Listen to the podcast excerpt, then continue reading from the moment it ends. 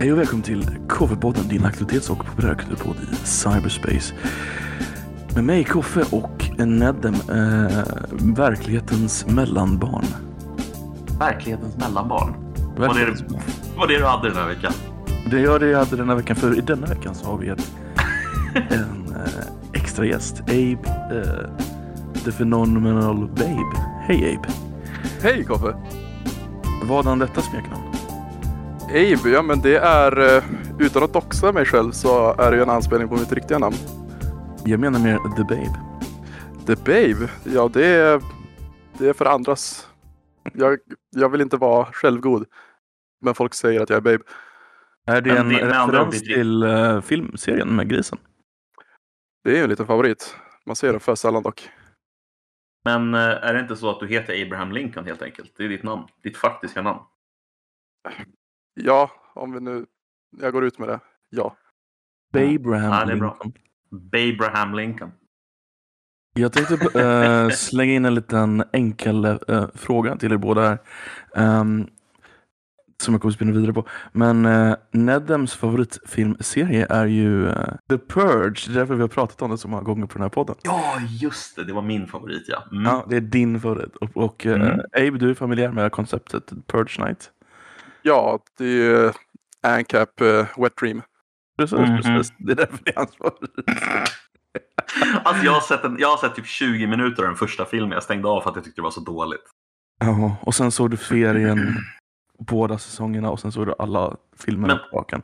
Finns Det det, en faktisk serie? Ja, det finns en serie med två säsonger. Det här är ju dock så himla tråkigt med genren eh, skräck måste ju vara den mest saturerade med B-filmer. Ja, tveklöst. Det, tveklöst. det jag skulle fråga däremot, det är, eller jag, snarare, jag har kommit på vad jag skulle göra i en Purge Night. Har, vet ni vad ni skulle göra under en Purge Night? Ni får inte säga Gömma gömma mig. Ni får inte Nej, säga gömma okej. er. Ni Jag måste, göra där något, tycker jag. ja, ni måste göra något, något, något roligt. Ni får inte gömma Okej. er. Oj, Ehm, döda den grannen jag tycker mest illa om och gömma mig där. Vad heter Det får han? jag göra. Nej, jag har ingen granne som jag tycker så illa om så att jag hittar väl någon som, som är oskyldig och lätt att ta livet av. Okej, fair enough. jag tror inte jag har i, har i mig att mörda någon, men eh, nu är ju tv-licensen inte så lätt att gömma sig ifrån. Men eh, stöld, någon, någon form av Ja. stöld. Ja, du måste ju inte döda någon. Det är ju all, alla brott är ju lagliga. Jaha, är det så det funkar? Mhm. Jag trodde det var att, man, att det var bara mord som var lagligt och det var det man Nej, skulle nej. göra under den natten. Liksom. Det är tanken, men alla brott är lagliga. Okej, okej. Så finansbrott exempel. Ooh. Oh, bitcoin. Ooh. Ehm, nej, det jag skulle göra, det, det jag skulle göra är en human centipede. Okej. Och det får mig osökt in på frågan om vi tre var i en human centipede, vem skulle vara munnen? Pax var munnen, tack. Ja, Pax här också. Alltså. Nej, jag måste ha en motivering. Jag måste ha en motivering. Ja, Du kan inte bara nominera dig själv för att du inte vill ha bajs i käften. Det måste ha en anledning som, som Jävla gagnar alla tre. Alltså. Så jävla Uh. sjuk fråga. Usch. Jag, jag har god aptit. Stor kropp. Det är faktiskt en bra anledning till varför du ska vara längst bak, tycker jag. Men, ja. Ehm, ja, jag har också god aptit då, eh, och stor kropp. Så jag tänker väl att det borde funka det med. Men det var ju bara. att vara längst Ja, bak för dig själv. Du kan inte nicka någon annan rätt att vara längst Jo, men om vi, två, om vi är två stycken med samma anledning så måste ju någon av oss vara... För jag Då tänker tar vi ut liksom- varandra. Jag. okej, okej. Ah, fan Min tanke är att den som ska vara längst fram måste ju vara Alltså för att man får ju lika mycket mat oavsett, tänker jag. Man, man, Ja, men, blir man en human centipede så är man ju inlåst någonstans. Fast grejen är att nu utgår du från att du skapar ett unisont kretslopp liksom. Mm. Ja. Okej. men, alltså, är det, vänta, vill du, du vill inte göra en human centipede utan du vill göra en ring? Med Nej, nej, nej, nej. En, en, Och sen så, en, vill du eh, bara, sen så vill du bara, någonstans längs vägen så vill du bara stänga den. Och inte tillföra mer coolt. mat och så överlever de. Human jävligt falukorv. Jo, men falukorv, ja. Nej, nej, men jag, jag tänker att om man har, om man har en, liksom en kedja, då måste ju den, om man då får välja den som ska vara först och de här människorna ska leva så här ett tag. Då vill man väl ha den som är mest språkför och, eller, och så här, trevligast och kanske, kanske kan sjunga och sånt där. Mm. Så kan underhålla dem andra och föra deras talan. Eller? Grejen är ju liksom Mm. att jag tror det är en ganska irrelevant talang om man nu går runt och är en jävla human centipede. Alltså, Alltså, ja. har man så mycket annat roligt att tänka på? Alltså, det, det vore ju bra med någonting kul. Alltså om man är i det läget ändå. Jag menar, alltså, grejen, man kommer ju hamna på något zoo. Ja, Och liksom Men- att du är bra på att föra din talan. jag Vet tänk inte om dig det är någon med riktigt bra prutthumor. Någon som har riktigt bra prutthumor som är längst fram. Så varenda gång han måste så drar han något roligt skämt. Det, det gör det ju lite bättre. Eller? Visst, man kan väl göra det bästa av situationen men ja. Sitter vi just och pratar om hur man gör det bästa av situationen när man har blivit en human falukorv. Vad, vad för skämt kan man dra när man tvångsmatar någon annan? Så, vill du ha ett fax kanske? Ta, dra i min tumme. Tänk om man har IBS och tvingas vara med i en. Human Centipede. Alltså din hjärna funkar så jävla konstigt Koffe. Jag fattar inte ens hur du kommer på en sån här tanke. Jag har tyvärr inte gjort filmen. Nej. Det, det har du ju faktiskt inte gjort. Gjorde de inte massa uppföljare på den också? Jo, jo, två stycken. Trean var- är underbar. Det är bara så här chockfaktor som gjorde att den fick, eh, vad heter det, ja, att det, var, att det blev en succé liksom. Men Det där är ju liksom en, det där är ju en grej som funkar en film. Hur, Mm. hur gör de två till filmer liksom? Eh, tvåan är bara weird, för då är det typ en... en ett, f- I tvåan så är det en, en kille som har sett första filmen och blir inspirerad och gör sin egen Human Centipede. Eh, och han är tunnelbanevakt och typ snor folk folk som inte kan betala för mig att det är. Och så gör han en Centipede och sen så har han sex med den. Um, um, trean är mycket roligare, för då är det en galen fängelsevakt som gör en Human Centipede för att spara pengar. För att spara pengar. Ja, Ja. Ja. Ja, ja. jag köper ju bara inte, jag, jag köper ju bara inte resonemanget om man då kan gå så långt att man gör en human centipede för att spara pengar. Då kan man väl lika gärna bara skjuta sina fångar. Ja, Ja, men- lite så. Har du en human centipede så kan du ta loss dem och sen då är de rehabiliterade. Det är det ultimate uh, repellent tror jag han kallar det i, i filmen. Vadå, så det ska funka som något straff då? Ja. Men dör du inte av att vara i en human centipede förr eller senare? Av typ näringsbrist? De har lyckats fixa det i trean genom att ge dem eh, injektioner. Ja, men herregud. Så de överlever i sin human centipede. Yes. The only Ja. lasting um, mm, fan, means är att man har, uh, har sår runt mun och arsle. Där man har sytt ihop dem. Um, Åh, det där är så sjukt alltså. mm, ja, det är en fin film. Han har gjort en ny film, den killen. eh, som inte har släppts än. Mhm. En till skräckis eller? Ehm, jag vet inte om det är klass... Jo, det, det, det är nog mer en äcklig film än en skräckis som vi kallar det, om vi ska vara ärliga. Det Det är känns som en en- egen genre nästan. Alltså inom skräck. Att göra så här, alltså tänk på typ A Serbian film, Ja. eh. Human Centipede. Chockthriller. Mm. Ja, men Gorn- precis. Det där kallas Gorno för övrigt. Gorno. Ja, Gore plus porn. Alltså Gorno. Alltså, Du, du vet för mycket om film alltså. Det är så jävla konstigt ibland när du kan svara på det. Gorno. yes. Ja. Alltså chockvärdet av Gore till någon slags pornografisk nivå. mm. Gorno. I alla fall, hans, hans nya film heter The Onania Club. Det, det är ett gäng medelålders eh, kvinnor som tänder på brottsscener till den grad att de gör egna brottsscener. Okej. Och så onanerar de på brottsplats. Alltså jag kan säga så här. Sannolikheten att jag skulle se den filmen är noll. Alltså det är verkligen noll. Vi kommer ju ha ett specialavsnitt av det. Eh, ja, och jag kommer fortfarande inte ha sett den när vi diskuterar filmen. jag kommer bara sitta och lyssna på när du berättar om vad filmen handlar om. Alltså det är, alltså det är så här varför ska man se en sån film? Alltså jag fattar inte riktigt det. Bättre än Onlyfans. Alltså, är det det sig det där? Ska de fortsätta Nej. de får fortsätta. Fantastiskt? Fantastiskt.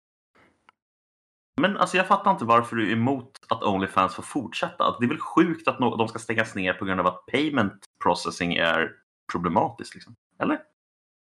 Men Det är väl kul att det stängs ner. Nej. Fan, låt folk visa sin nakna online. Vem bryr sig? Det är väl deras problem, Koffe? Nej, det är end of civilization stuff. Tar avstånd från pornografi. Ja. Eller är det Det bara Onlyfans? Jag vet inte. Slags... Känner du samma, känner du samma så här, aversion mot till exempel Pornhub och liknande? Pornhub har ju blivit jävligt mesigt. De säger det. De säger det. Jag, jag, har, jag, alltså, jag skulle aldrig varit inne där så jag har ingen aning. Nej men det var jätteintressant. De, hade ju, de fick ju massa så här... eh, Det blev ju en våg av kvinnor som var anmälde Pornhub för att de var under 18. Mm. När de, Mm. Så var deras videos där uppe så var de emot. eh, Så nu, nu måste det vara verifierad mot Pornhub för att kunna lägga upp grejer där. Så det är också så här studios och amatör, alltså folk som kan legitimera sig. Så typ häl- Ja. över hälften av allt deras content försvann. Ja, just det. Ja. Så blir det bara... Det slutar bara att det är bara previews av Mm. någonting du ska köpa någon annanstans. Jag har en eh, polare som de få gånger som man har liksom kommit in på just det ämnet vi är inne på nu med olika porrsajter så tipsar han alltid om en så jävla sjuk porrsajt. Den heter Oh. tydligen Lobstertube. Lobstertube. Det är så här, okej. Ja. Alltså, Ja, det, det låter lite classy. Alltså jag, jag tror bara att det är typ en samlingssida som typ så här aggregerar från massor med Mhm. olika porrsajter. Jag tror faktiskt att jag har varit inne där någon gång, men alltså, det är ingenting jag liksom har frekventerat. Men ehm, Lobster Tube. Ja. Lobster Tube. Jag tänker bara på den där filmen The Lobster och säger Lobster Tube. Jag tror inte jag sett den. Jo, det måste du ha gjort. Abe, du har sett The Lobster? Uh, känner inte igen det. Uh? Nej, du får berätta tror jag. Ja, ah, men jag... Nu ser jag en trailer här. Ser bekant ut. Det är han Yorgos Lantimos som har gjort uh, Dogtooth och The Favourite och eh, The Killing of a Sacred Deer kanske du har sett. The Lobster är en jätterolig film för den, den, den eh, om man är singel i den världen efter man är 18 då ta- då tas man till ett hotell med alla andra singlar i den staden. Ja. Och så har man sex veckor på sig att hitta någon som är kompatibel med. Annars förvandlas man till ett djur och då, har, då får man välja vilket djur man vill bli och huvudkaraktären i filmen har valt att bli en lobster. Men okej, det här är ju jätte, det är ju ett dilemma. Visst kan du, det är kul att hitta en livspartner liksom, men du kan få bli vilket djur du vill. ja, exakt. Det är ett riktigt jävla dilemma faktiskt. Alltså, ni skulle vilja bli ett djur istället för att ha en, en livspartner. Nej, det är inte det jag säger, men jag är öppen för liksom, Vilket djur skulle du vilja Ja. bli? oh, någon sorts örn. En guldfisk? Nej, En örn? Men det är ju coolt att flyga liksom. Det är det ju. En albatross vore ju coolt också, eller hur? En kan man flyga albatross? riktigt länge. Ja, du kan ju flyga runt väldigt länge då. Du svävar på... jag tänker då ska man ju också Ehm. vara en fridlyst örn. Du kan göra liksom vad du vill. Jag hade valt en bald eagle utan tvekan. Självklart. Ja, de är majestic. Ja, och de är som- amerikanska. Ja, precis. Det är bara för du är sån smyg-amerikansk patriot. Mm, anglofil alltså. Ut i fingerspetsarna. Anglofil? Pedofil? Pedofil. Pedo-anglofil. Ja, för du gillar ju det yngsta äh, anglosaxiska landet. Ja, men precis. Anglopedofili- Anglopedofilism. Anglopedofilism. Fast i och för sig, vänta, när grundades Australien? Ingen aning faktiskt. Grundades eller självständighet. Ja, det är en bra fråga. Alltså, när, äh, räknar man, Eh. alltså födseln måste väl vara när Anglo tog över dem, eller? Ja, det är det jag tänker på. Mm. Ehm, Så koloniserades det innan, eller? Nej, det måste ju varit efter det står så här. In 1770, Australia's eastern half was claimed by Great Britain and initially settled through penal transportation.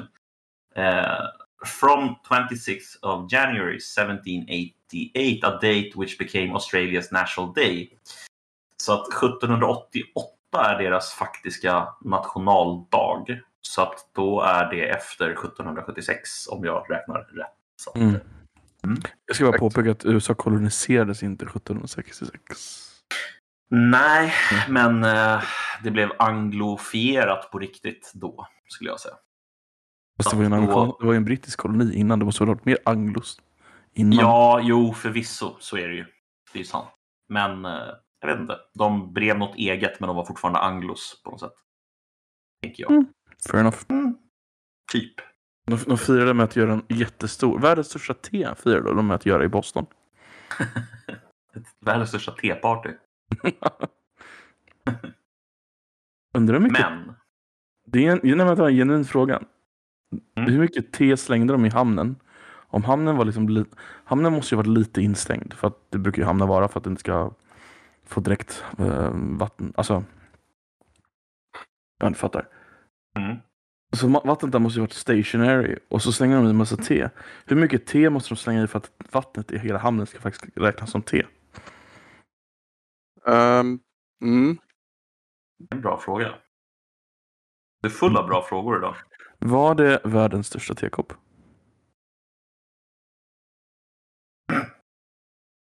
Alltså,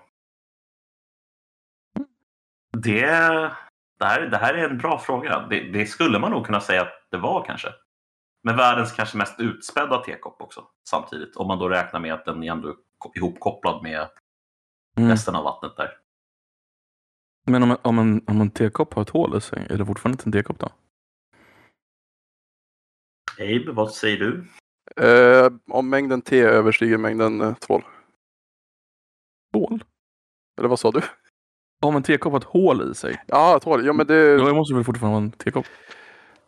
det är klart. Mm. En dålig tekopp, men en tekopp. USA, världens sämsta tekopp. Världens sämsta tekopp. Ja, fy fan. Ja, det, det, det är en intressant observation tycker jag, Koffe, du gör här. Ehm, Mm.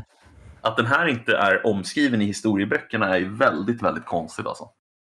Att, de, att ingen har funderat. Alltså, du kan nog vara den första personen som någonsin har tänkt den här tanken. Alltså. Jag tror det. Vem, vem tar man kontakt med? Är det Guinness rekord-tv eller? Så här, hej, jag, jag har ett nytt rekord här i origine, originella tankar. Jag tänkte att ni kunde komma till mig för att få höra lite. Just det. Nej, men jag tänkte för att få, få tekoppen verifierad. Ja, just det. Ehm, Antingen är det typ amerikanska senaten eller Guinness. Ja, nej, det är väl Guinness, Guinness du ska gå till, antar jag. Mm. Får den, får den erkänd som världens största tekopp genom tiderna. Tänk vad mysigt det var med Harald Treutiger. Mm. Ja. Va, va, varför kom du in på Harald Treutiger helt plötsligt? Han ledde Guinness rekord-tv i Sverige. Jaha, just det. Just det. Jönsson Jo, men var det stämmer. Hade, hade TV3. När begav sig det här? Hade du TV3 när du var liten? Jo, men det hade jag. Hur, nu, hur gammal var du när du var liten? Jag, på säga. jag. Jag var ganska ung. Men jag är väl en tio år yngre än er. Ni är typ Mm. 40. Något. Du är fan inte tio år yngre. Usch. Jo, Fy. han är någonting sånt. Jag, menar, jag är 27 Eh. år gammal. Jag tror inte tio år yngre. Eh, I alla fall.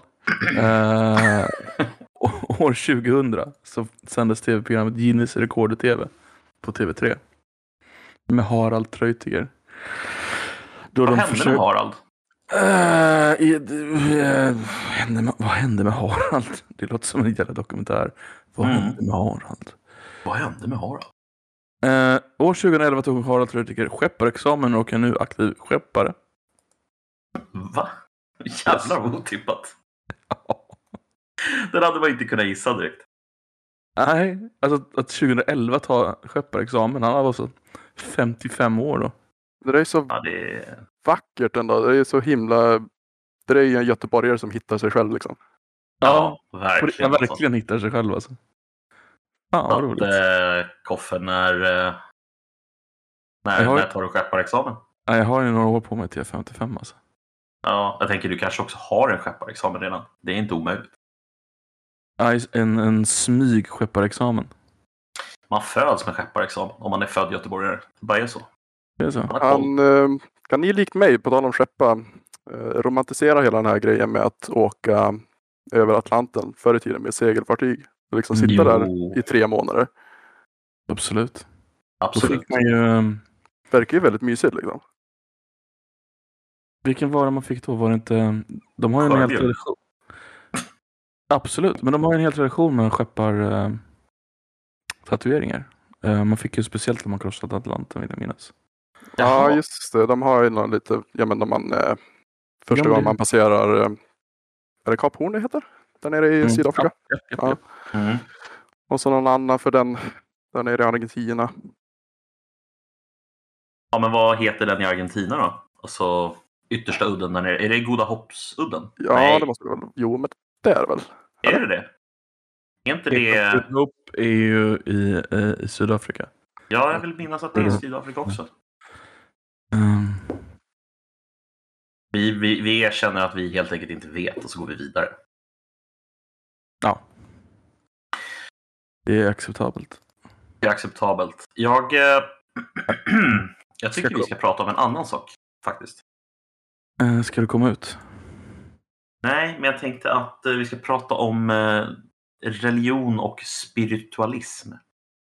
Mm, Okej. Det här är ju ditt favoritämne, Koffe, det vet ju jag. Okej. Eller hur? Du tycker om att Ja. diskutera religion och eh, det spirituella, det själsliga livet. För några veckor sedan så var jag asfull på en krog. Så började jag prata Jesus med en kvinna. Men det var hon som började. Hon ville, hon ville veta att Jesus tyckte om henne. Och då sa jag att det gjorde han. Då blev hon jätteglad.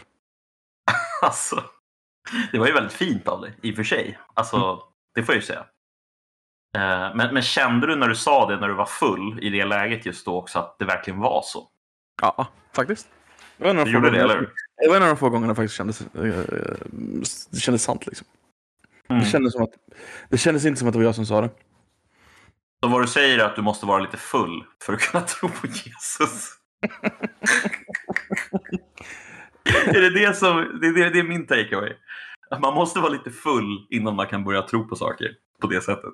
Man kanske måste vara lite full för att börja prata med gamla tanter på krogen.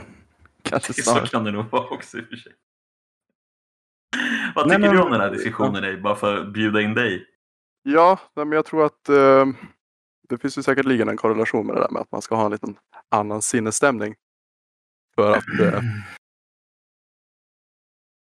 tänka i de banorna. Mm. Så det är inte så konstigt.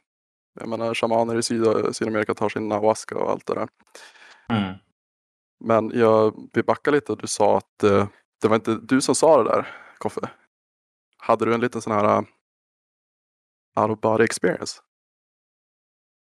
Som du ser i liksom eh, amerikanska södra baptistkyrkor. Nej, nej, inte på den sättet. Det var bara att jag, jag, det bara flöt ut liksom. Mer så. Okej, det- så det var, det var inte du som försökte säga att du kände att det var Jesus som talade via dig då? Eller? Jag har ingen aning om. Jag är, jag är bara en människa. Jag kan inte svara på sådana saker. Det kan bara Gud göra. Men alltså, kan det ha varit så att du eh, talade i tungor? Nej, jag Och hon talade i tungor och ingen annan förstod vad ni sa? Jag tycker ni överanalyserar det här. Glossolalia heter det förut. Det tycker jag är lite roligt. Glossolasi. Okay. Glossolasi eller glossolalia. Ja, ja. Ehm, nej, men alltså jag, jag, är lite, jag är lite nyfiken på en sak och det är så här. Många människor som har någon slags spirituell, vad ska man kalla det för, eh, gen, tänker jag kalla det för. För det är ungefär så jag ser på det. Alltså man har någon slags grej med sig som gör att man har en fallenhet eller en... ehm, Mm. Man gillar helt enkelt hela den grejen. Mm, Jag finns, själv känner ju inte så. Och då är, jag blir liksom fundersam på vad det är som får er att känna så. Frågan är väl varför du är själsligt död? nej, Ja, jag, Eller, alltså, det- inte nej, det har jag ju. Jag är ju bara inte traumatiserad. För jag tror att det är det som är genen. jag tänker att det är det som är grejen, alltså, att man är riktigt traumatiserad någonstans. Då. Jo men så är det ju liksom. I min erfarenhet, alla som jag har stött på som har sagt Nej, men jag, jag tror inte på Gud men jag tror på någonting. Då är de Ja. ju alla före detta missbrukare. Hela bunten. Och det är, det är någonting man måste ha i bagaget liksom. Men, men, jag måste ju bara fråga, är, är det här någonting som är mer relevant för din um, umgängeskrets? Eller tro- är för att jag, Det kan ju vara i det. kyrka så tror jag inte att alla är gamla knarkare i Alltså det tror jag. det då tror jag. Men då menar jag ju också specifikt de här eh, ja, men som är spirituella och inte liksom Mm. erkänner sig till en eh, organiserad Ja, rörelse. de, de som är mm, Ja, men håller på med stenar och Mm. eldslukare. ja. Fast alltså jag, jag, har en, eh, jag har en moster som håller på med sånt där. Och eh, eld? hon har nog... Vad sa du? De slukar eld. Nej, nej, nej. Alltså som håller på med eh, new age-flum. Mm. Mm. Eh, och eh, hon är ju inte direkt traumatiserad vad jag vet i alla fall. Det kan ju vara någonting jag har missat. Eller i och för sig, hon har ju varit ihop med två missbrukare. Men hon själv har aldrig varit missbrukare. Du ser, du ser missbruk. Det är en intressant koppling Ja. fortfarande. har varit ihop med två missbrukare. Ja, det kan ju Mm. vara så enkelt i och för sig. Tror ni det går Eller, i... eller så är korrelationen tvärtom. Det vill säga man är mer benägen att vara ihop med missbrukare eller missbruka om man har tendensen att bli religiös. Det kan vara så också. Tror ni det går i, tror ni det går i arv? Religiositeten. Alltså, det säga alltså. Jag hade ju en släkting på 1400-talet som var präst. Mm. Och det är jävla länge sedan. Men alltså, du, jag kan ändå, alltså vet du vad, jag kan faktiskt se dig som präst. Faktiskt. Ehm, det skulle jag faktiskt kunna göra nu, slår det mig. Samlade. Idag ska vi prata om human centipede. Ja, men jag tror att du skulle trivas i den, i den Jag tror, rollen. på riktigt så tror jag det också. Jag tror faktiskt det. Absolut. Tyvärr får inte Eh. katolska präster gifta sig. Och det är katolska kyrkan som är coolast. Alltså Ja, jo. coolast är de faktiskt. Det måste vi erkänna.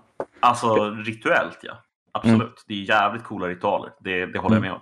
Men Det här är ju en av anledningarna till varför jag önskar att jag var religiös. För att estetiken är ju on point. Mm. Det är ju Men, de här eh, som kan gå runt med ett eh, krucifix runt halsen. Liksom. Och jag Mm. önskar att jag kunde göra det. Men jag kan inte på gott samvete ha det om någon frågar mig, Mm. tror du på Mm. Gud? Då säger jag ja, det kan jag inte. Jag. Men, men, men jag, jag, jag har förstått det som att du tror på Gud, Abe. Det gör du alltså inte? Är det det du säger nu?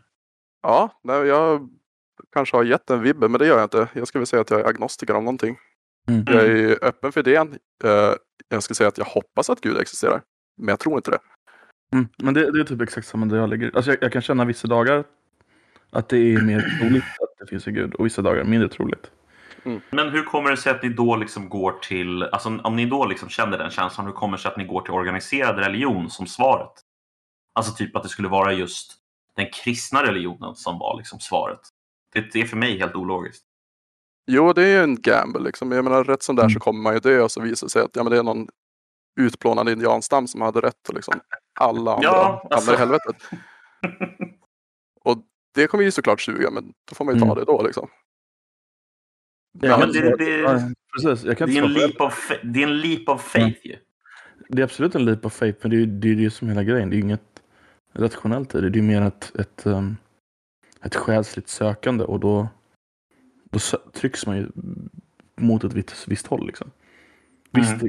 då, då kanske vi västerlänningar och kanske trycks extra mycket åt det hållet omedvetet. Men det är så det är.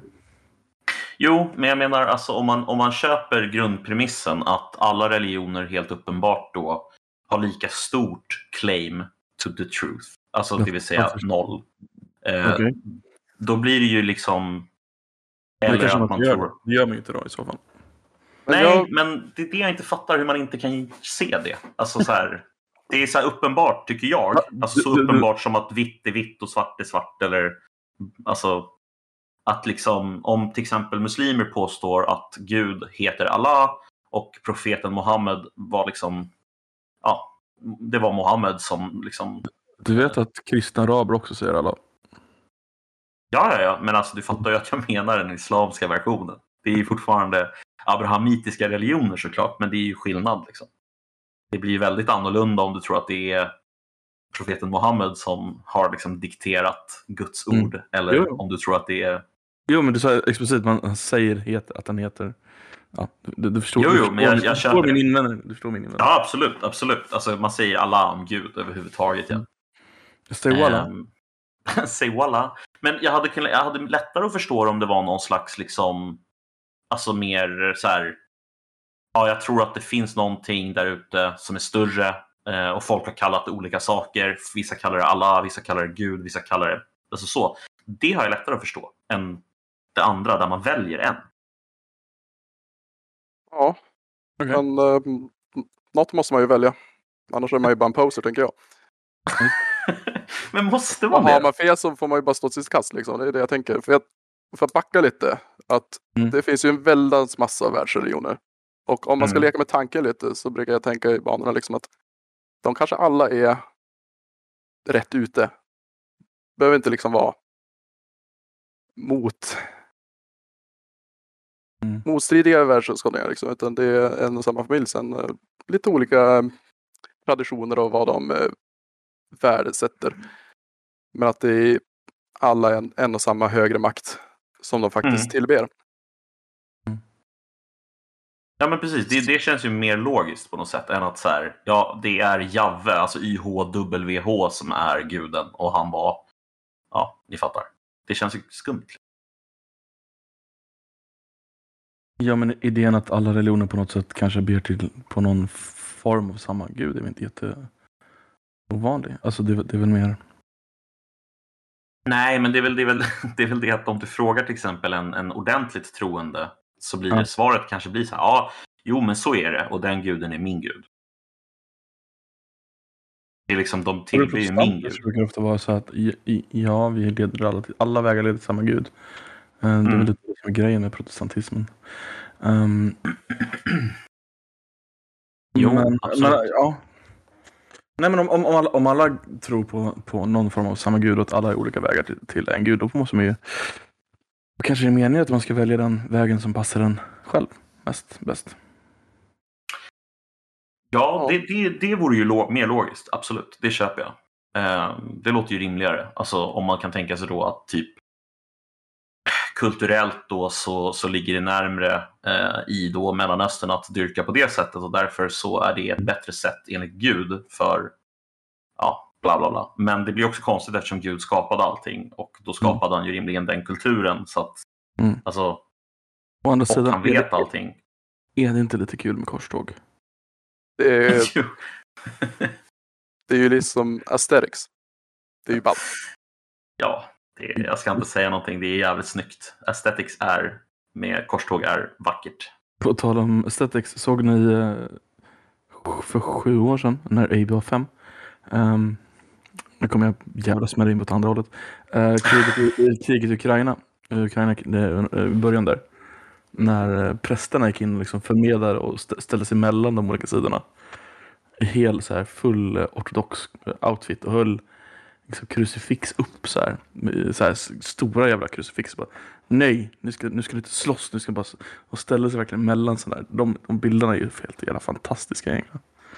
Det är riktigt coolt. Just det där under Euromiden eller vad?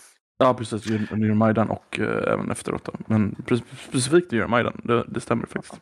De är ju så jäkla match de där ortodoxa prästerna med sina långa skägg och Ja, det är Mm. sjukt snyggt med alla ritualer. Alltså, Det är lite kul på tal- om att ha skägg. Anledningen att de har skägg i ortodoxa kyrkan det var för att det var ovanligt att ha skägg där. Så de skulle ha skägg för att det inte skulle vara eh, aesthetic. Att det skulle inte, att det skulle, alltså det skulle inte vara en estetisk grej att ha skägg. Det skulle vara motbjudande, lite så lätt motbjudande. Samma anledning, det var vanligt att ha skägg i väst. Det var varför de inte får ha skägg. för att det ska, liksom, det, ska strida liksom. Exakt samma anledning fast två olika vägar. men alltså, när det kommer till... Alltså en sak som slår mig ofta i alla fall med, med väldigt religiösa människor av den typen som vi beskriver här, som är villiga att ställa sig mellan två stycken avancerande arméer, det är ju Mm. att där, de ger ju uttryck på något sätt, för mig i alla fall, för det absolut bästa och det absolut sämsta med religion samtidigt. Mm. Alltså de ger uttryck Mm. för det vackraste som finns med religion och det är den här förmågan att liksom helt åsidosätta sig själv till förmån för någon annan. Eh, Mm. Som jag kan tycka är en väldigt fin, alltså upp, uppoffrande grej. Men de ger också uttryck för en total fundamentalistisk inställning inför sin egna existens som är totalt förnuftsvidrig om man är en vanlig människa i de flesta fallen. Liksom. Ja, det, det är ju väldigt provocerande. Jag skulle inte hålla med om det. Jag ska vara ärlig. Jag, tror, Okej. jag tror inte det är förnuftsdrivet om du är en vanlig människa. Jag tror att det måste vara någon form av... Alltså jag tror att människan är mer... eh, behöver vara mer tänkande på ett visst sätt. Och så... Ja, vad hade för poäng egentligen? Alltså, jag, jag, kan, jag kan formulera om vad jag försöker Ja, säga så jag, jag förstår vad du menar. Jag förstår vad du menar. Du, du, du kan nästan liksätta det där med talibanerna på ett sätt för att det är liksom religionen överallt. Nej, men jag menar egentligen inte, alltså när jag säger förnuftsvidrig så menar jag i relation till att man som grundtes vill existera. Liksom. Mm.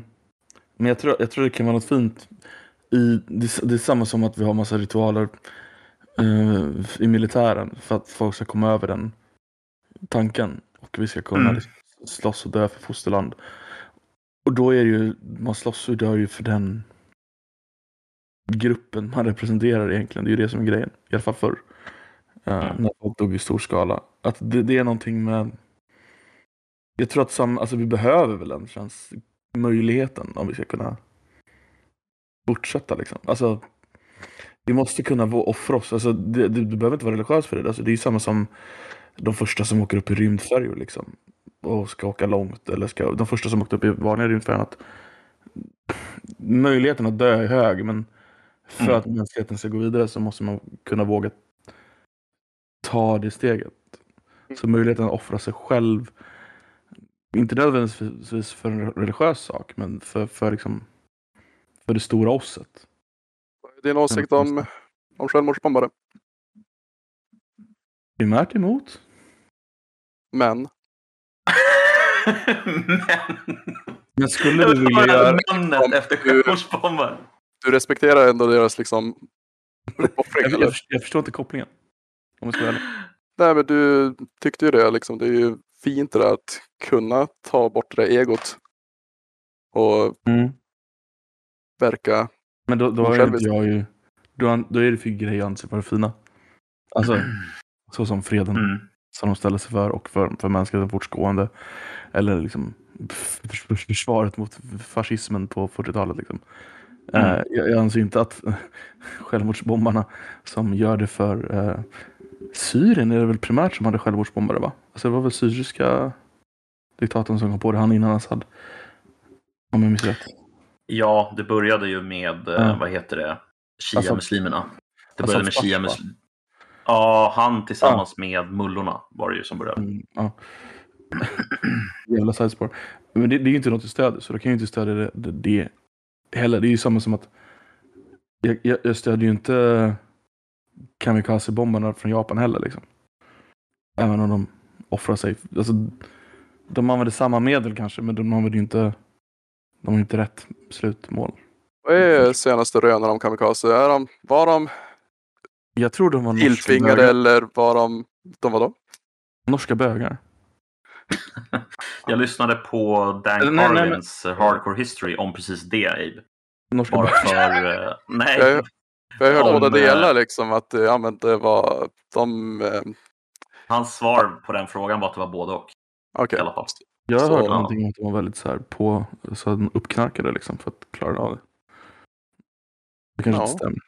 Det, Nej, men han, han förklarade typ att det var vä- väldigt många av dem som absolut inte ville dö, men som gjorde sin plikt, ofta på grund av eh, Alltså de var rädda Mm. för vissa repressalier som de skulle kunna få mot sina familjer och sådär.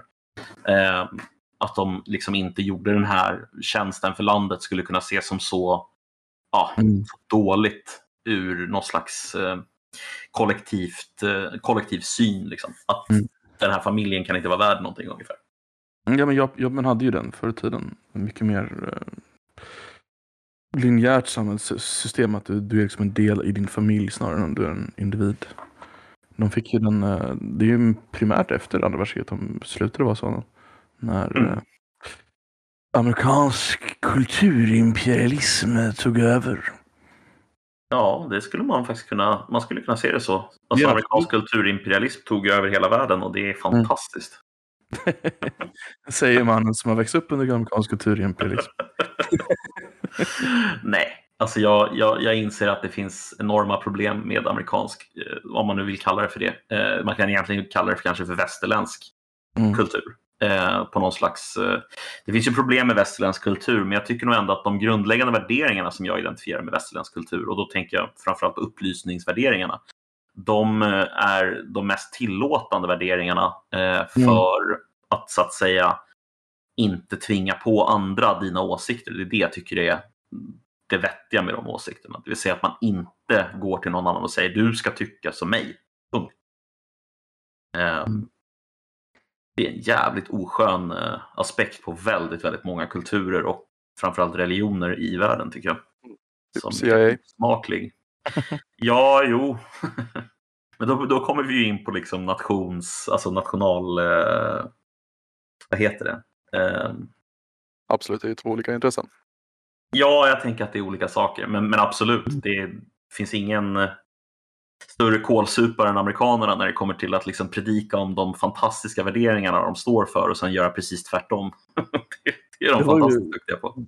Det var ju fördelen av kalla kriget. Då var de faktiskt tvungna att stå för det. Mm. Att vara en motpol till, eh, till öst. Vill ni höra en intressant sak jag precis lyssnade på och läste om angående eh, vilken riktning det ser ut som att eh, man kommer ta efter Afghanistan och eh, sådär med eh, sin, sitt, sin bekämpning av terrorism. Mm, kör. Det finns mycket som tyder på att man kommer gå vägen med att bli bättre på UW, alltså unconventional warfare. Eh, inte då. CT som är counterterrorism. Det som man har hållit på med de senaste 20 åren är ju CT. Då.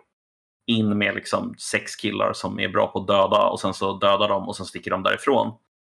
Ehm, och nu börjar man fundera mycket mer på liksom hur ska man kunna till exempel förändra ett land och en befolkning inifrån genom att eh, nudga liksom, i vissa riktningar med, ja, säg till exempel ert att, förslag?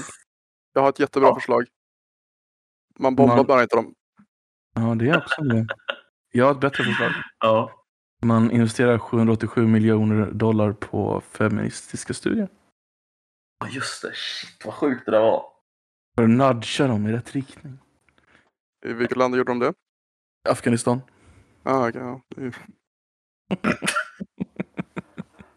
787 miljoner dollar på rena eh, Så det är inte så mycket return of investment där. Nej. Nej. Men vi sa väl det, det, det Eh, största det bra. alltså returnen var väl att under tiden som talibanerna erövrade så sa de att kvinnor skulle ha rättigheter och sen när de var klara så sa de nej vi lurades bara. Men just den, den lilla stunden så, så hade de en hög return on investment. Uh, ish. Ja, Men det var ju en vecka där de var väldigt woke, talibanerna. Ja. Just innan de gick in i kabel. Det sjuka var att om man följde typ olika konton på Twitter som man vet är ganska woke så var deras tolkning av talibanerna också så här. Ja, men det är nya talibaner nu. Det är bättre talibaner. De här talibanerna är inte som de gamla talibanerna. Man bara, mm. Kvinnor ska f- gå förbi skolan till och med. Herregud. Fantastiskt. Talibanerna. Abe, vem Mm. tror du blir ny socialdemokratisk premiärminister? Statsminister? Oh, jag vill ju säga Jan Emanuel, men eh, Du vill Mm. se Jan Emanuel? ja, det vore ju tragikomiskt. För det första. Beefcake. eh. Fantastiskt vore det. Men det är väl typ det närmsta vi kommer Trump. Mm. Men I- Det är ju- Inom socialdemokratin, ja. Annars är det väl Bert Karlsson. Ja, Ja. Bert Karlsson annars. Men ja, men eh, jag måste väl säga Maggan. Mm. Det är som Ja, det är upplagt för det. åh, det är nästan klart redan. Hon fick ju typ ett distrikt redan idag, va? Var det inte så? Vilket fick hon då? Ja, men det var ju, jag tyckte jag läste bara senast, bara för någon timme sedan, att eh, de hade, några hade redan sagt att ja, men vi kommer rösta för Maggan. Eh, så att vi, vi liksom decided, typ. Vi har bestämt oss. Stämmer säkert. Jag har ju inte tänkt mig i svängen riktigt. Steffe avgår i september. Nej, september har ju varit. Nej, September september, börjar nu. Det Ja, september. exakt. Men han ska, ska han avgå nu i månaden? Eh, oktober i um, riksmötet i Göteborg. Just Ja. det. Och då om han avgår och de nominerar Maggan så tillträder de bara som statsminister då? Nej. Jupp. Det? Nej, så blir det väl inte, Koffe? Nej. Jag har fått för mig, alltså, för jag trodde också det först. Mm. Men sen har jag fått för mig att det blir ändå en till talmansrunda. Eh, av Mm, det- någon anledning. Det är väl inte orimligt Eh, egentligen. Jo, just det, nej. för det är personen som fått ansvaret. Ja, det stämmer. Precis, jag tror att det är, det är precis så det är. Alltså, jag tror att det är så. Det är. hon, lär ju, hon lär ju få den liksom. Alltså jag gissar på att hon, ja, det känns ganska... Fatta vad, roligt det var tror jag, att det är extraval i december. Fråga till er, tror ni att sossarna kommer gotta sig i det? Liksom, ja, men vi var först med att eh, komma med en kvinnlig statsminister. Eller, Ja. Ja, det kommer de göra. för jag menar Ja. våra grannländer har ju haft det i väldigt många år. Mm. Och så kommer vi liksom 30 Fast det är år senare liksom tycka att Det är ju lite bättre och lite mer feministiskt. Alltså, det är ju riktigt, Ja, riktigt när vi gör det. du får ju Men tänka de på gör när det vi gör det fake. så är det ju... Då är det... Jag tror, jag tror till och med en av dem var liksom liberal, det räknas inte. Det kan bara vara socialdemokrater.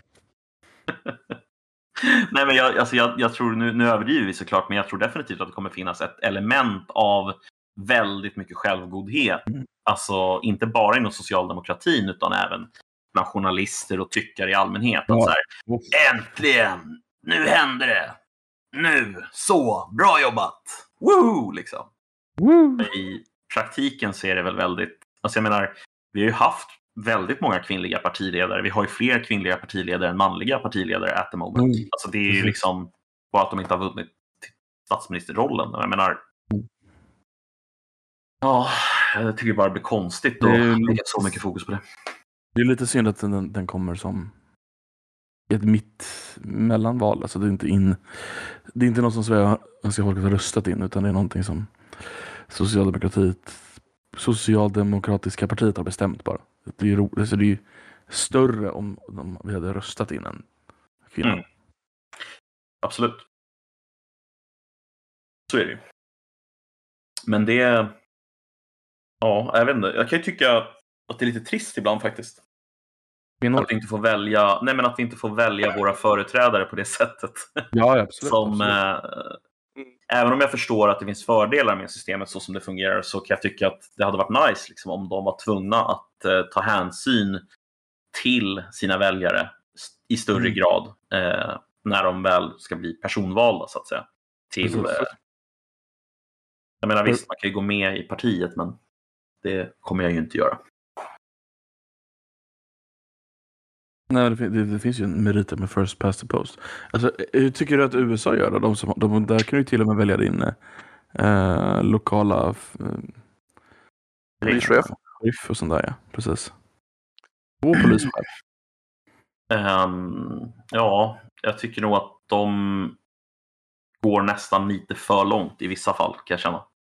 Jag tycker det är ganska nice i småstäder liksom, när de typ, kanske bara har en polis och då är det polischefen. Det The är sheriff. charmigt. Det är Fast charmigt. är det inte, har man, alltså, fast är det verkligen så det funkar? Är det inte så att själva sheriffen är vald, men alla poliser alltså som, och polischefen är ju en riktig polis. Sheriffen behöver inte vara Ja. en riktig polis, eller hur? Alltså, Sheriffen är ju polischefen. Vad jag förstått. Nej, nej, nej. ja, för Nej, nej, nej. Jag har förstått det, liksom, det är ju, låt, låt oss säga att det är, men, de har ju sina counties. Du kan ha ett sheriff, depart, sheriff department som också har du parallellt till det ett police department. Precis. Så, och Nice. både, men det här är ju det jobbiga med USA, liksom, att de har ju 40 000 beväpnade myndighetsutövare. Som alla gör typ sam, samma sak. Och jag tycker inte, varför håller de på sådär? Så att jag vet inte riktigt vad, vad en sheriff riktigt gör. Som, jag som vet- inte en vanlig polis skulle kunna göra. Vem, vem är den här kända personen som är, som är sheriff? Inte Steve Seagal. Alltså inte han. Walker, Texas han- Ranger. Det är någon, nej, men det är någon väldigt, väldigt känd miljardär som typ mer eller mindre köpte sig en sheriffsroll. Eh, för att det gav honom typ möjligheten att göra någonting som jag inte kommer ihåg nu, men ju- juridisk möjlighet liksom, som man inte hade som vanlig civil, civilare. Liksom. Eh, så att det, det missbrukas ju också Mm. väldigt mycket. De här olika demokratiska systemen. Så jag har någon finare balans, tänker jag mig i alla fall. Än, de kanske har gått lite för långt i vissa fall. Eh, och vi kanske för kort. Typ. Okej. Alltså, det är ganska, alltså, det på något sätt är det ganska kul att man kan rösta fram sina law enforcements. Liksom. Ja, det känns som att det öppnar ju för väldigt osköna counties, om det nu är på county-nivå, som har röstat fram sin sheriff.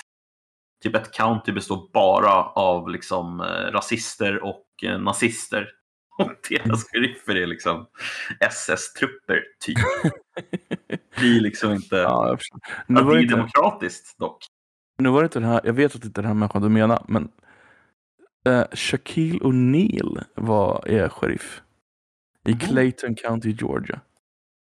Och Liksom, han är riktig sheriff, det är inte så här honorary title. Nej, nej, han är, han var insvuren. Åh fy fan, det är... Du vilken skräck. Jag menar snubben du- är ju två meter 30 centimeter liksom. Enorm. Mm. Så du kan bli liksom haffad av Shaquille O'Neal.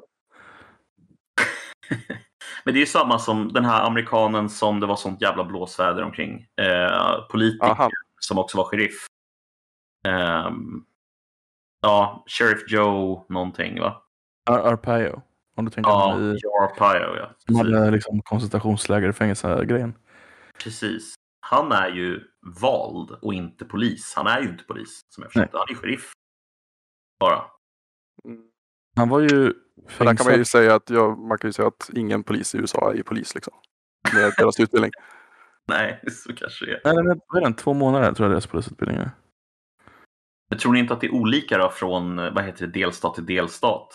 Alltså hur lång polisutbildningen är? Ja, men som jag har förstått det, den längsta utbildningen är ju ändå bara en, sju månader och sådär. Och snittet är ju tre månader. Sjukt alltså. Och det är ju så det är orimligt lite.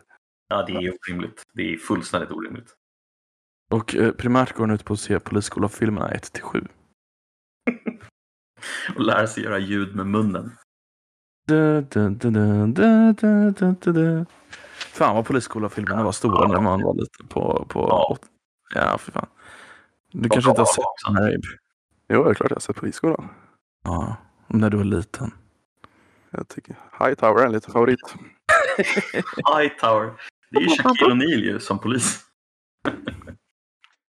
Gick inte han och dog för något år sedan? Det kanske han gjorde. Mm. Det Ja, är, ingen det, fan, det är sad. Men jag tänkte, Ned, du som har koll på dina amerikanska paramilitära organisationer. Mm. Vad, vad är liksom vitsen med att de har liksom tusen ja, men, eh, myndigheter som alla gör samma sak? Jag tänker på ATF. Liksom. Varför kan inte det bara vara en avdelning på FBI? Vad- Det, Vad är resonemanget kring det hela? Alltså det kan jag faktiskt inte svara på för att alltså, mitt intresse ligger primärt i alla de som agerar utåt, inte de som agerar inåt. Eh, så jag har verkligen inte läst någonting nästan om, eh, FBI och eh, om ATF och typ DEA och de här. Eller DEA har jag lite bättre koll på för att de har agerat mycket i Sydamerika och för att de har fått liksom Ja, vad ska man säga så här?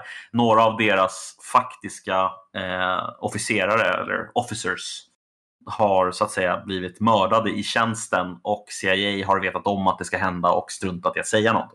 Sådana grejer har ju hänt. Ehm, jag kan kanske bättre säga det om det har att göra med varför man har så många olika underrättelsetjänster. Det kan jag svara på, men Ja. det är inte den frågan du ställer. Ja, men det får du gärna svara på. Alltså, anledningen till att man har så många olika underrättelsetjänster är för att de har helt olika typer av uppdrag. Alltså om du kollar på till exempel den som folk vet om mest, det är ju den CIA då. Alltså Mm. CIAs uppdrag är att vara den civila versionen av utrikesspionage. Utrikesspionaget som är civilt går alltså primärt mot civila mål. Om du har till exempel DI, jag tror de heter DIA, Defense Intelligence Agency. De är ju den militära versionen av samma sak. De går militära mål i deras primära. Liksom. Precis. Men då har ju också även flottan och marinkåren sina egna underrättelsetjänster. Så Jajamensan. Eh, Men då får du tänka på storleken på deras organisationer, tänker jag. Alltså det är därför. De har så stora organisationer så att de behöver sin egna underrättelseorganisation. ja, men absolut. Det är ju, om inte typ den sovjetiska motsvarigheten, KGB och GRU, för där, där hette det ju liksom så här, typ de hade olika departement som gjorde olika saker inom KGB.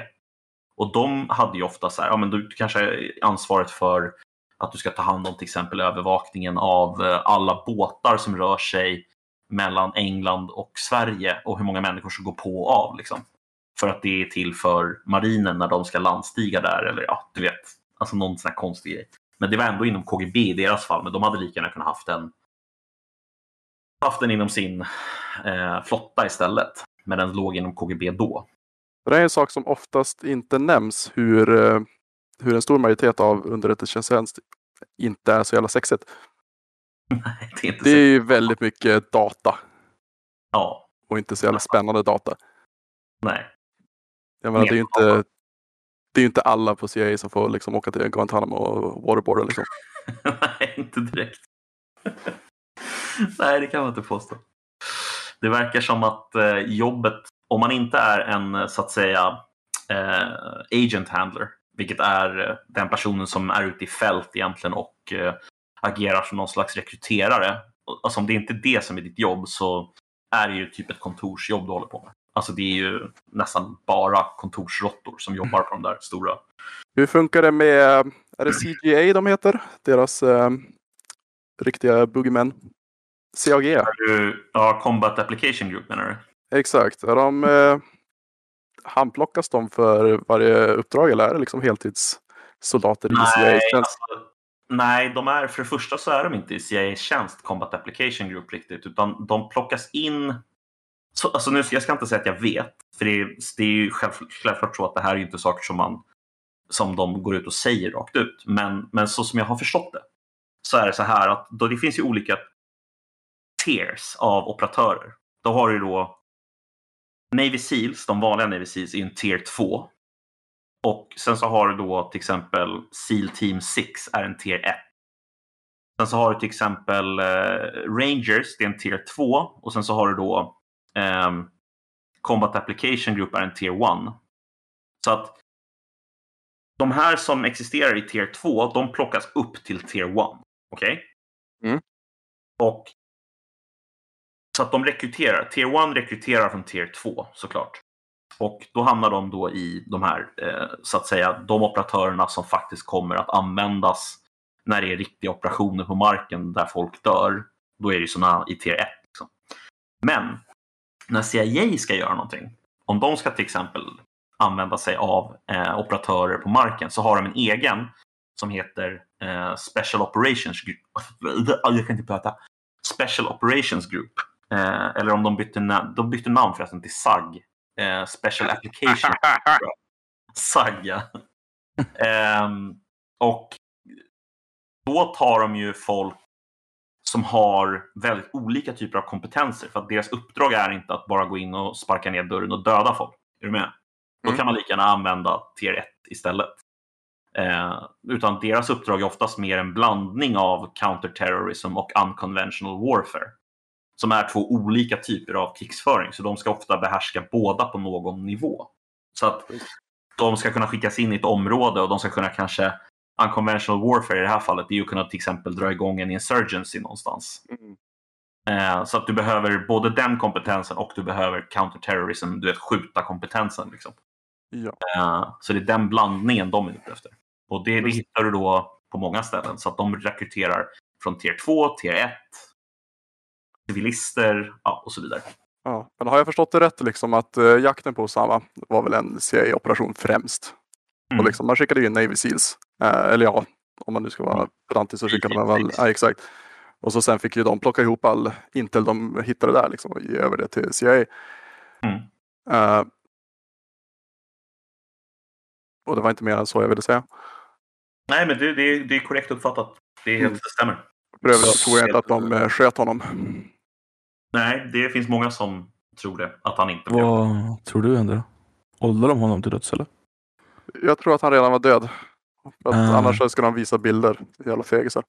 Nej, okej. Alltså, Men nu är det ju rimligt att anta att de, de eh, unloadade bra många magasin i honom. Så att det blev inte liksom bra PR att skicka ut de bilderna. mm.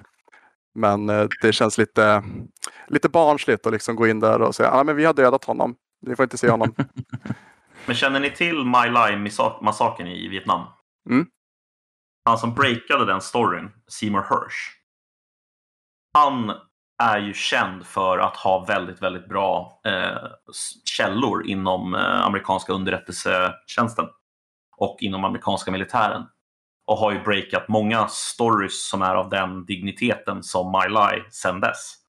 Och han menar att det inte var så som det beskrivs som det gick till när de plockade Osama bin Laden. Alltså inte alls så. Vad säger han då? Eh, alltså han kan inte ge en, en liksom distinkt förklaring på exakt hur det gick till. Det är inte så han menar att han, det är inte den typen av kunskap han har menar han. Han menar att till exempel det, det är känt att de följde, det, det som han menar är fel till exempel, det är det här att de följde en, eh, nu måste jag komma ihåg vad namnet är på engelska för det är Courier, kurir. Mm.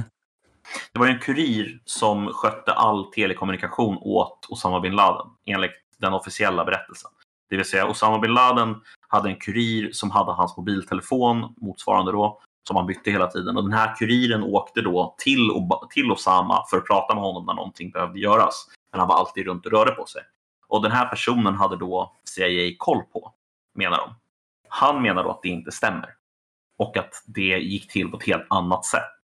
Eh, själva räden på Ab Abarabar, eller fan det hette, den hände. Men vägen dit är inte hur de tog sig dit i verkligheten, så att säga. Så som de beskriver Mm. i verkligheten. Eh, eller ja, ni fattar. Vilket är rimligt att anta. Liksom. Det, är, det är klart de inte kommer berätta sina tillvägagångssätt. De, Nej, det är det de är mest känsligt med sources and methods. Liksom. Det är det som är... och det är så tråkigt. Liksom. Jag, det finns ju så mycket hemlighetsstämplat man skulle vilja läsa. Ja, det är fruktansvärt jobbigt faktiskt. Jag skulle vilja läsa precis allt, men det går ju inte. Oh, om du fick eh, declassifiera en händelse helt och hållet, vad skulle du välja?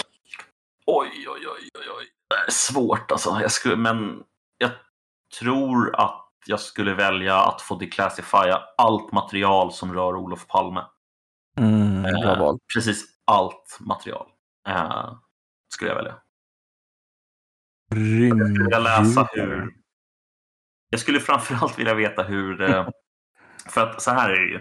Att de gjorde ju en eh, genomlysning av svensk eh, politik, eh, alltså hur vi samarbetade med NATO. Det gjordes en sån här, eh, eh, jag tror att det var en SOU faktiskt, alltså en statens offentliga utredningar som gick igenom och tittade på hur Sverige hade eh, spelat under täcket med NATO, skulle man kunna säga, under kalla kriget. Eh, men den, den eh, kartläggningen den slutar 1969. Nice. Och det är i samma år som Olof Palme tillträder som statsminister. Mm. Efter det så finns det ingen, de fick inte fortsätta förbi det datumet utan av någon anledning bestämde man sig för att fram till 1969 så efter det ska vi inte undersöka mer. Eh, så att det finns en sån utredning som man kan läsa som handlar om det. Men den tar inte upp så att säga efter. Det Men, finns, det finns nog en del två på den där, kan jag tänka mig. Som ja, tar- jag skulle kunna Mm. tro det också. Men du, vilken, vilken amerikansk myndighet är det som skulle försvara oss? Eller skicka upp till en eh, Armageddon-scenario? Eh, hur menar du nu? Fick du ta det ja, om det kommer en, en, en, en eh, stor jävla meteorit. Vilka är det vi skulle skicka upp på så, att de- i rymden och, och borra sönder den? Är det... Jag skulle säga det- NASA. Är det Na- Nej, det kan ju inte vara NASA. Det måste ju vara riktiga gubbar. SpaceX såklart. Va? Det är... Nej. Elon! Elon! Tänk, tänk- Elon! Elon. Elon! Elon! Jag hoppas att Elon slutar som Bruce Willis. ja, och dör som en martyr. Då skulle till och med du tycka att han är en fantastisk Jag skulle bara säga, han bara härmas. Han har inget originellt. härmas. Är det en Elon-hatare, Koffe? Nej, jag är realist. Nej, jag tror, inte, jag tror inte du hatar inte Elon, tror jag inte. Det gör du inte ändå. Hatar inte Det är de väl bara som att han är lite efterbliven, typ. Det är han ju. Det är han ju. Men man får ju se det, se det vad det är liksom. Ingen är ju Ja. felfri. Och han ensamt, och nu kommer ju någon säga liksom, nej men han, det är hans ingenjör som gör allting. Men Ja, det är det. skitsamma, han driver i alla fall eh, rymd, eh, rymdutforskningen framåt. Helt på ensam hand. Mm, nej. Alltså, i- någonting som är lite kul med Elon. Han får, han, får, han får ju bara uppdrag av NASA. Liksom. Han tar ju bara skattepengar. Nu får du ju ändå ge dig. Det där är ju bara löjligt. Det fattar ju du själv. Nej, det, det är ju faktiskt... Det tycker det- du ju inte själv. Det måste Det- det det inte där är ju- så det är ju så det till. Han gör ju inte det. Ja, bono. Varför, men känner du till skillnaden mellan Blue Origin och eh, vad heter SpaceX? Deras olika tillvägagångsmetoder? Till exempel? Ja, det är olika ägare. Nej, nej, nej. nej. De har Jo, det är det. olika Jag lovar det, jag lovar det till olika ägare. Ja, ja, men det var inte det jag menade. Blue Origins tillvägagångssätt har väl bara varit att stämma sig fram. Nej, men alltså. Medan jag, Elon ändå har levererat. jag kan faktiskt förklara vad jag menar. Politiskt istället, om jag får förklara. För en gångs gångs skull kan du förklara vad du menar. Eh, nej, men lyssna. Blue, Blue, lyssna nu. Blue Origin, de använder subkontraktörer till allting. Mm. Och det gör de av en väldigt god anledning. Det är väldigt politiskt gångbart att göra på det sättet. För då kan du gå till kongressledamöter och säga så här. Hörru, tjena. Ehm, om du hjälper mig med den här grejen så lovar jag att eh, den produktionen ni idag har av den här typen av motor, den kommer vi använda och så kommer vi bygga den i er delstat. Mm. Elon gör precis tvärtom. Han förlägger all produktion till en enda plats. Som givetvis då är mycket mer effektivt men mycket dummare rent politiskt. Det är en Okej. stor skillnad mellan till exempel då Blue Origin och Elon Musk eller NASA och Mm, Elon okej. Musk. Så att det Och? kommer man inte ifrån. Och? Vad, vad har det med saken att göra? Ja, det leder ju till att det blir väldigt, man- väldigt, väldigt kostnadseffektivt att utveckla raketer när du gör på det sättet som Elon Det- gör. Skillnad från det sätt som NASA och Blue Origin gör. Har de hela sin verksamhet i Kalifornien då, SpaceX? Hela sin verksamhet i Texas. Texas? Borås faktiskt. Borås. Mm. Nej men det, det har ju ingenting att göra med det jag sa. Det vill säga att det, det han går ut på är att få NASA-kontrakt. Alltså, han- de tjänar ju pengar på att få NASA-kontrakt. Ja, alltså det, så är det ju. Absolut. Ja. Men det gör ju alla i USA. Men jag tycker att det är... Alltså det är oärligt Det är, att inte, säga så. det är inte så att han liksom bara, ah, men nu ska vi rädda mänskligheten, skicka upp satelliter, Nej. vi ska bygga en rymdbas, jag är en cool rymdare. Nej nej, han tjänar pengar på det. Ja, men det är klart. Men det hade ju inte kunnat gå till på något annat sätt. Alltså hur ska det annars NASA, gå till? NASA skulle kunna Ja, man, exakt. Man kan ju ge pengar till NASA. Ja, och då Man hade behöver de... inte ha en försvarsbudget på 69 miljarder dollar. Liksom, typ. Nej, men... Det är, nej, det är omöjligt ni att säga att det inte hade varit problemet. det är omöjligt att säga att det inte hade varit mer kostnadseffektivt om NASA gjorde det själv på exakt samma sätt. Det är ju precis det det hade varit. Men de hade aldrig Du hade inte kunnat vara mer kostnadseffektivt om NASA gjorde det exakt samma Ja, sätt men, som Elon ja, gjorde. men alltså, det, där, är- de- det där är ju det där. Fast nu, lyssna, nu säger du ju så här. Ja, men tänk om det var så här istället. Men det är Ja. ju inte så. För Ja, att NASA tänk- har ju tänk om vi hade samma problem som Blue Origin har. Ja, men, nej, men inte det. Alltså, kolla. Blue Origin har följt NASA-modellen. Men jag skiter i Blue Origin. Ja, men det är relevant. Du måste förstå varför det är relevant. Jag vet vad du Varför? försöker säga, men jag säger att det är fel. Ja, för att du, du... Nej, du vet ju att jag har rätt. Nej, jag säger att de skulle, om NASA skulle göra det på ett bra sätt så hade det varit bra. Ja, men de kan ju inte det eftersom de är en politisk organisation. Att de inte har några pengar. Nej, Det men är alltså, det hade, Det är väl lika svårt för NASA om- att göra rätt som det är för att... För, Och jag förstår bara inte varför för man tar den omvägen. Då. Man tar ju den omvägen på grund av att en privat aktör är mer fri att göra det utan politiska, vad heter det, pekpinnar, mer eller mindre. Där nazisterna då har flytt till månen och har en bas på the dark side of the moon. Om det visade sig vara sant. Fatta vad industrin ska booma då. bästa med den filmen är att Sarah Palin är USAs president. Vem är är president? det i filmen. I filmen är Sarah Palin USAs Ah, president. Har du sett tvåan? Oh, shit. Nej, är det då de åker eh, in i jorden typ? Yes. Så Hollow Earth-grejen. Ja. Och träffar Nej. Mecha Hitler. Nej, jag inte velat se det för det är lite så här överdrivet. Jag kan inte köpa att de drog till månen. Ja, ettan är mer believable. Tvåan är bara... Nej. Påminner, påminner båda de filmerna lite i stil om den här... Vad fan heter den då? Nu kommer jag inte ihåg namnet bara för det. Men den här 80-tals kitsch-filmen som de gjorde. Den som ska vara, låta som 80-tal. Ehm, Jaha, du menar den? Ehm, nej. Du menar? Kung Fury? Ja, Kung Fury, precis. Ja, för fan. Det är Umeå-produktion, vill jag bara påpeka. Är det det? Fy fan. Jajamän. Stort.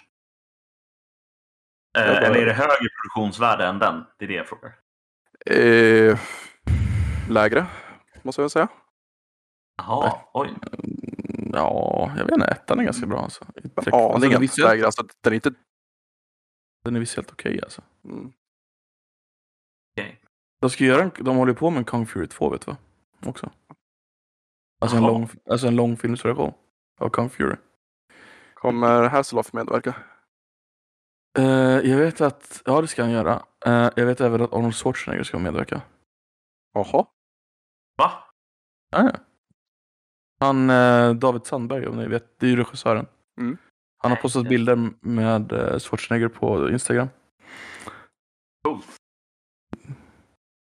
Ja, vad nice. Får jag gissa att de har exakt fått noll och inget stöd av svensk film? det har jag faktiskt ingen koll på. Eh, det skulle förvåna mig om de hade fått stöd av svensk film faktiskt. Ja, och ändå är de framgångsrika. Vad tycker svensk film om det här? Det undrar jag.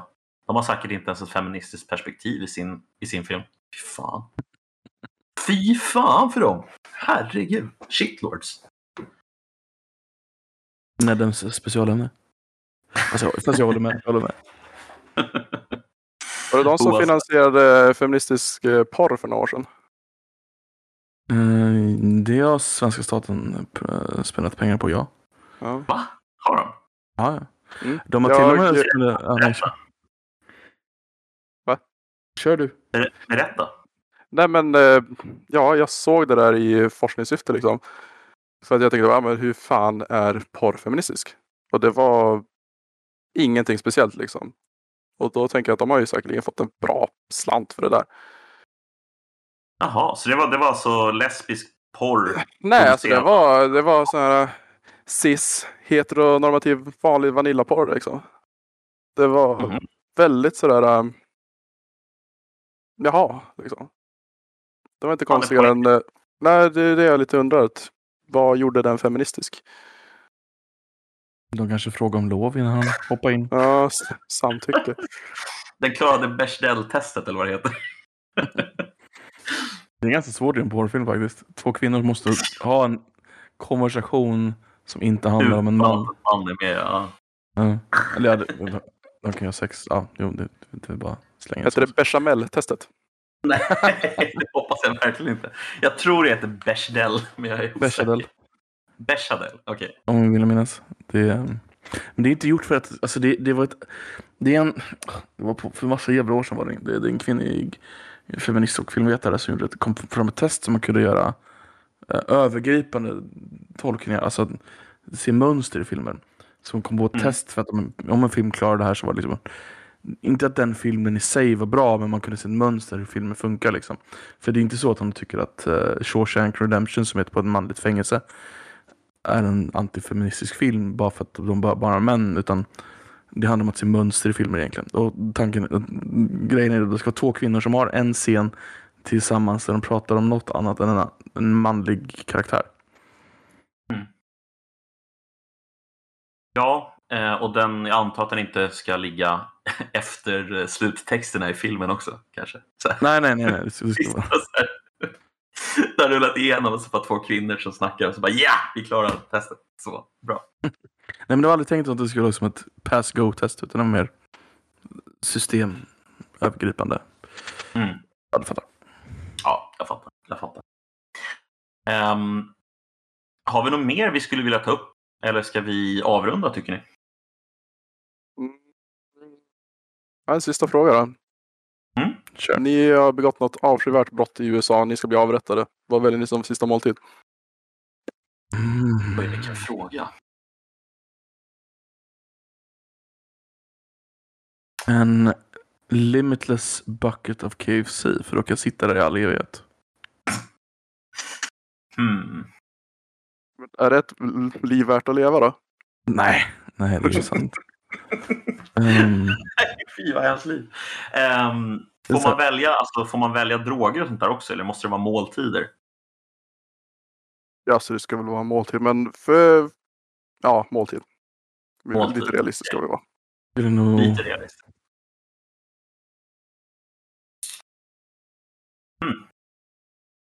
köttfärsbiffar, pasta, tomatsås. Bra. Och så en äppelpaj till efterrätt. Och så öl till allting. Mm. Men jag tänker, har man verkligen någon aptit i en sån situation liksom? Nej. För jag vet med säkerhet att jag skulle liksom vara ett jävla vrak. De säger, ja men nu ska Ja, vi ja. häng, hänga dig om fem timmar liksom. Här har du Mm. måltid. Jag ska inte kunna käka, vad fan. Jag ska ju Alltså, pissa ner jag- mig. Ja, men det Mm. gör du i alla fall. Jag tänker, jag tänker att de har sagt det. liksom. Alltså, det, det är ju inte så att du får dödsdömen och sen är det en vecka kvar.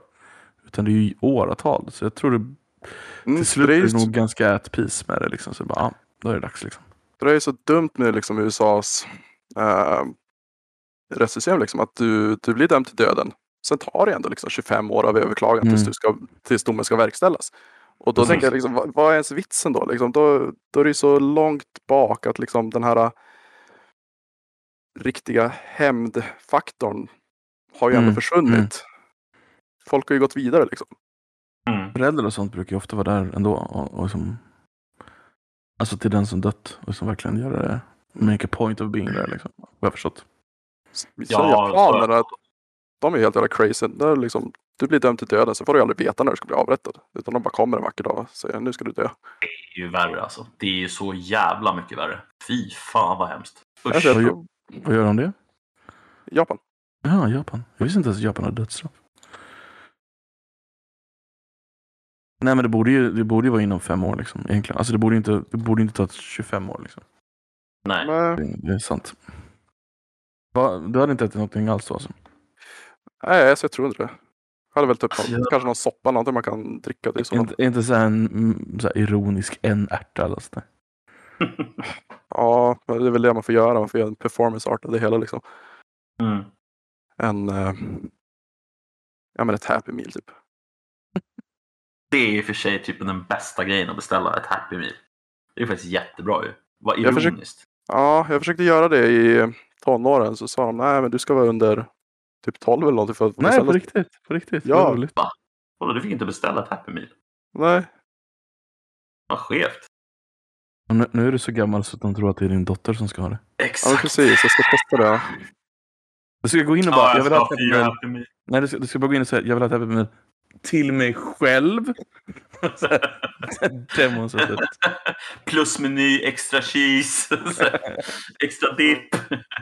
Det blir väl som när man ska köpa ut folköl. När man precis har fyllt 18 ska köpa ut folköl till polarna. Ja. Står man där och blir ah, nej, men jag ska ha ett happy meal till, till, till, till min dotter. Ja, fy fan alltså vad det där var hemskt. Att köpa ut till någon annan. Man kände sig alltid så otroligt skyldig alltså. Gjorde du det? Jag, stod, ja, jag kände mig som att jag var Wow. eh, svårt att stå där och köpa. Liksom. De vet att jag köper ut till någon annan. Det vet de bara. Men det visste Mm. de ju inte. Klart. Jag hade aldrig problem att köpa ut. Jag vet inte varför. Nej, alltså jag, hade, jag hade faktiskt inga problem att köpa ut ens när jag var lite yngre. Men jag, var, jag hade alltid den där hjärtat i halsgropen-känslan när jag gjorde det. Alltså. Mm. Jag- Det var den jag aldrig hade. Jag kanske borde haft det så här efterhand. Jag kanske... Ice cold alltså. Cold as ice. Väldigt olustig känsla. Det är lite som... Ja. Liknar med att vara på, påverkad offentligt. du gillar inte det? Nej. Menar du Alltså- äh, rök-rök eller menar du Ja, drick-drick? men exakt. Nu får man inte prata om det på er server, men eh, det är Nej, den känslan. på, våran- på våran podd får du prata om det. Det spelar ingen Ja. roll. Ja, men då så. Men det är lite du den är känslan. alltså en liksom. olaglig knarkig knarkare. Nej. Det är länge, länge sedan. Men då får man ju den där känslan att alla vet vad du håller på med liksom. Men Ja, ingen vet ju. Mm. Men det är, ju, det är ju drogen i sig som också skapar den nojan. Alltså i det fallet. Alltså cannabis är ju väldigt jävla efterblivet på det sättet. Du kan ju bli väldigt nojig. Eller folk blir det. Jag har hört det. Ja. Så att, eh, det tror jag är ganska relaterat till det också. Men eh, ja, då, då avrundar vi väl och tackar för eh, att Abe har varit med och spelat in Koffepodden med oss. Det var jättetrevligt och vi hoppas att du kommer tillbaka någon gång. ja, men Eh, tack själv. Det var trevligt. Jag hoppas också få komma tillbaka någon gång där jag har sovit lite mer. ja, Så ska jag vara lite mer eh, delaktig i diskussionerna. Jag tycker du var jättedelaktig och det var jättebra. Eh, tack för att du var med i alla fall och eh, tack för att ni lyssnar på Koffepodden. Ni får jättegärna dela Koffepodden med era vänner och eh, se om inte de också skulle vilja lyssna. Eh, och eh, ja, det var väl det jag hade att säga. Tack för oss. Ha det gött.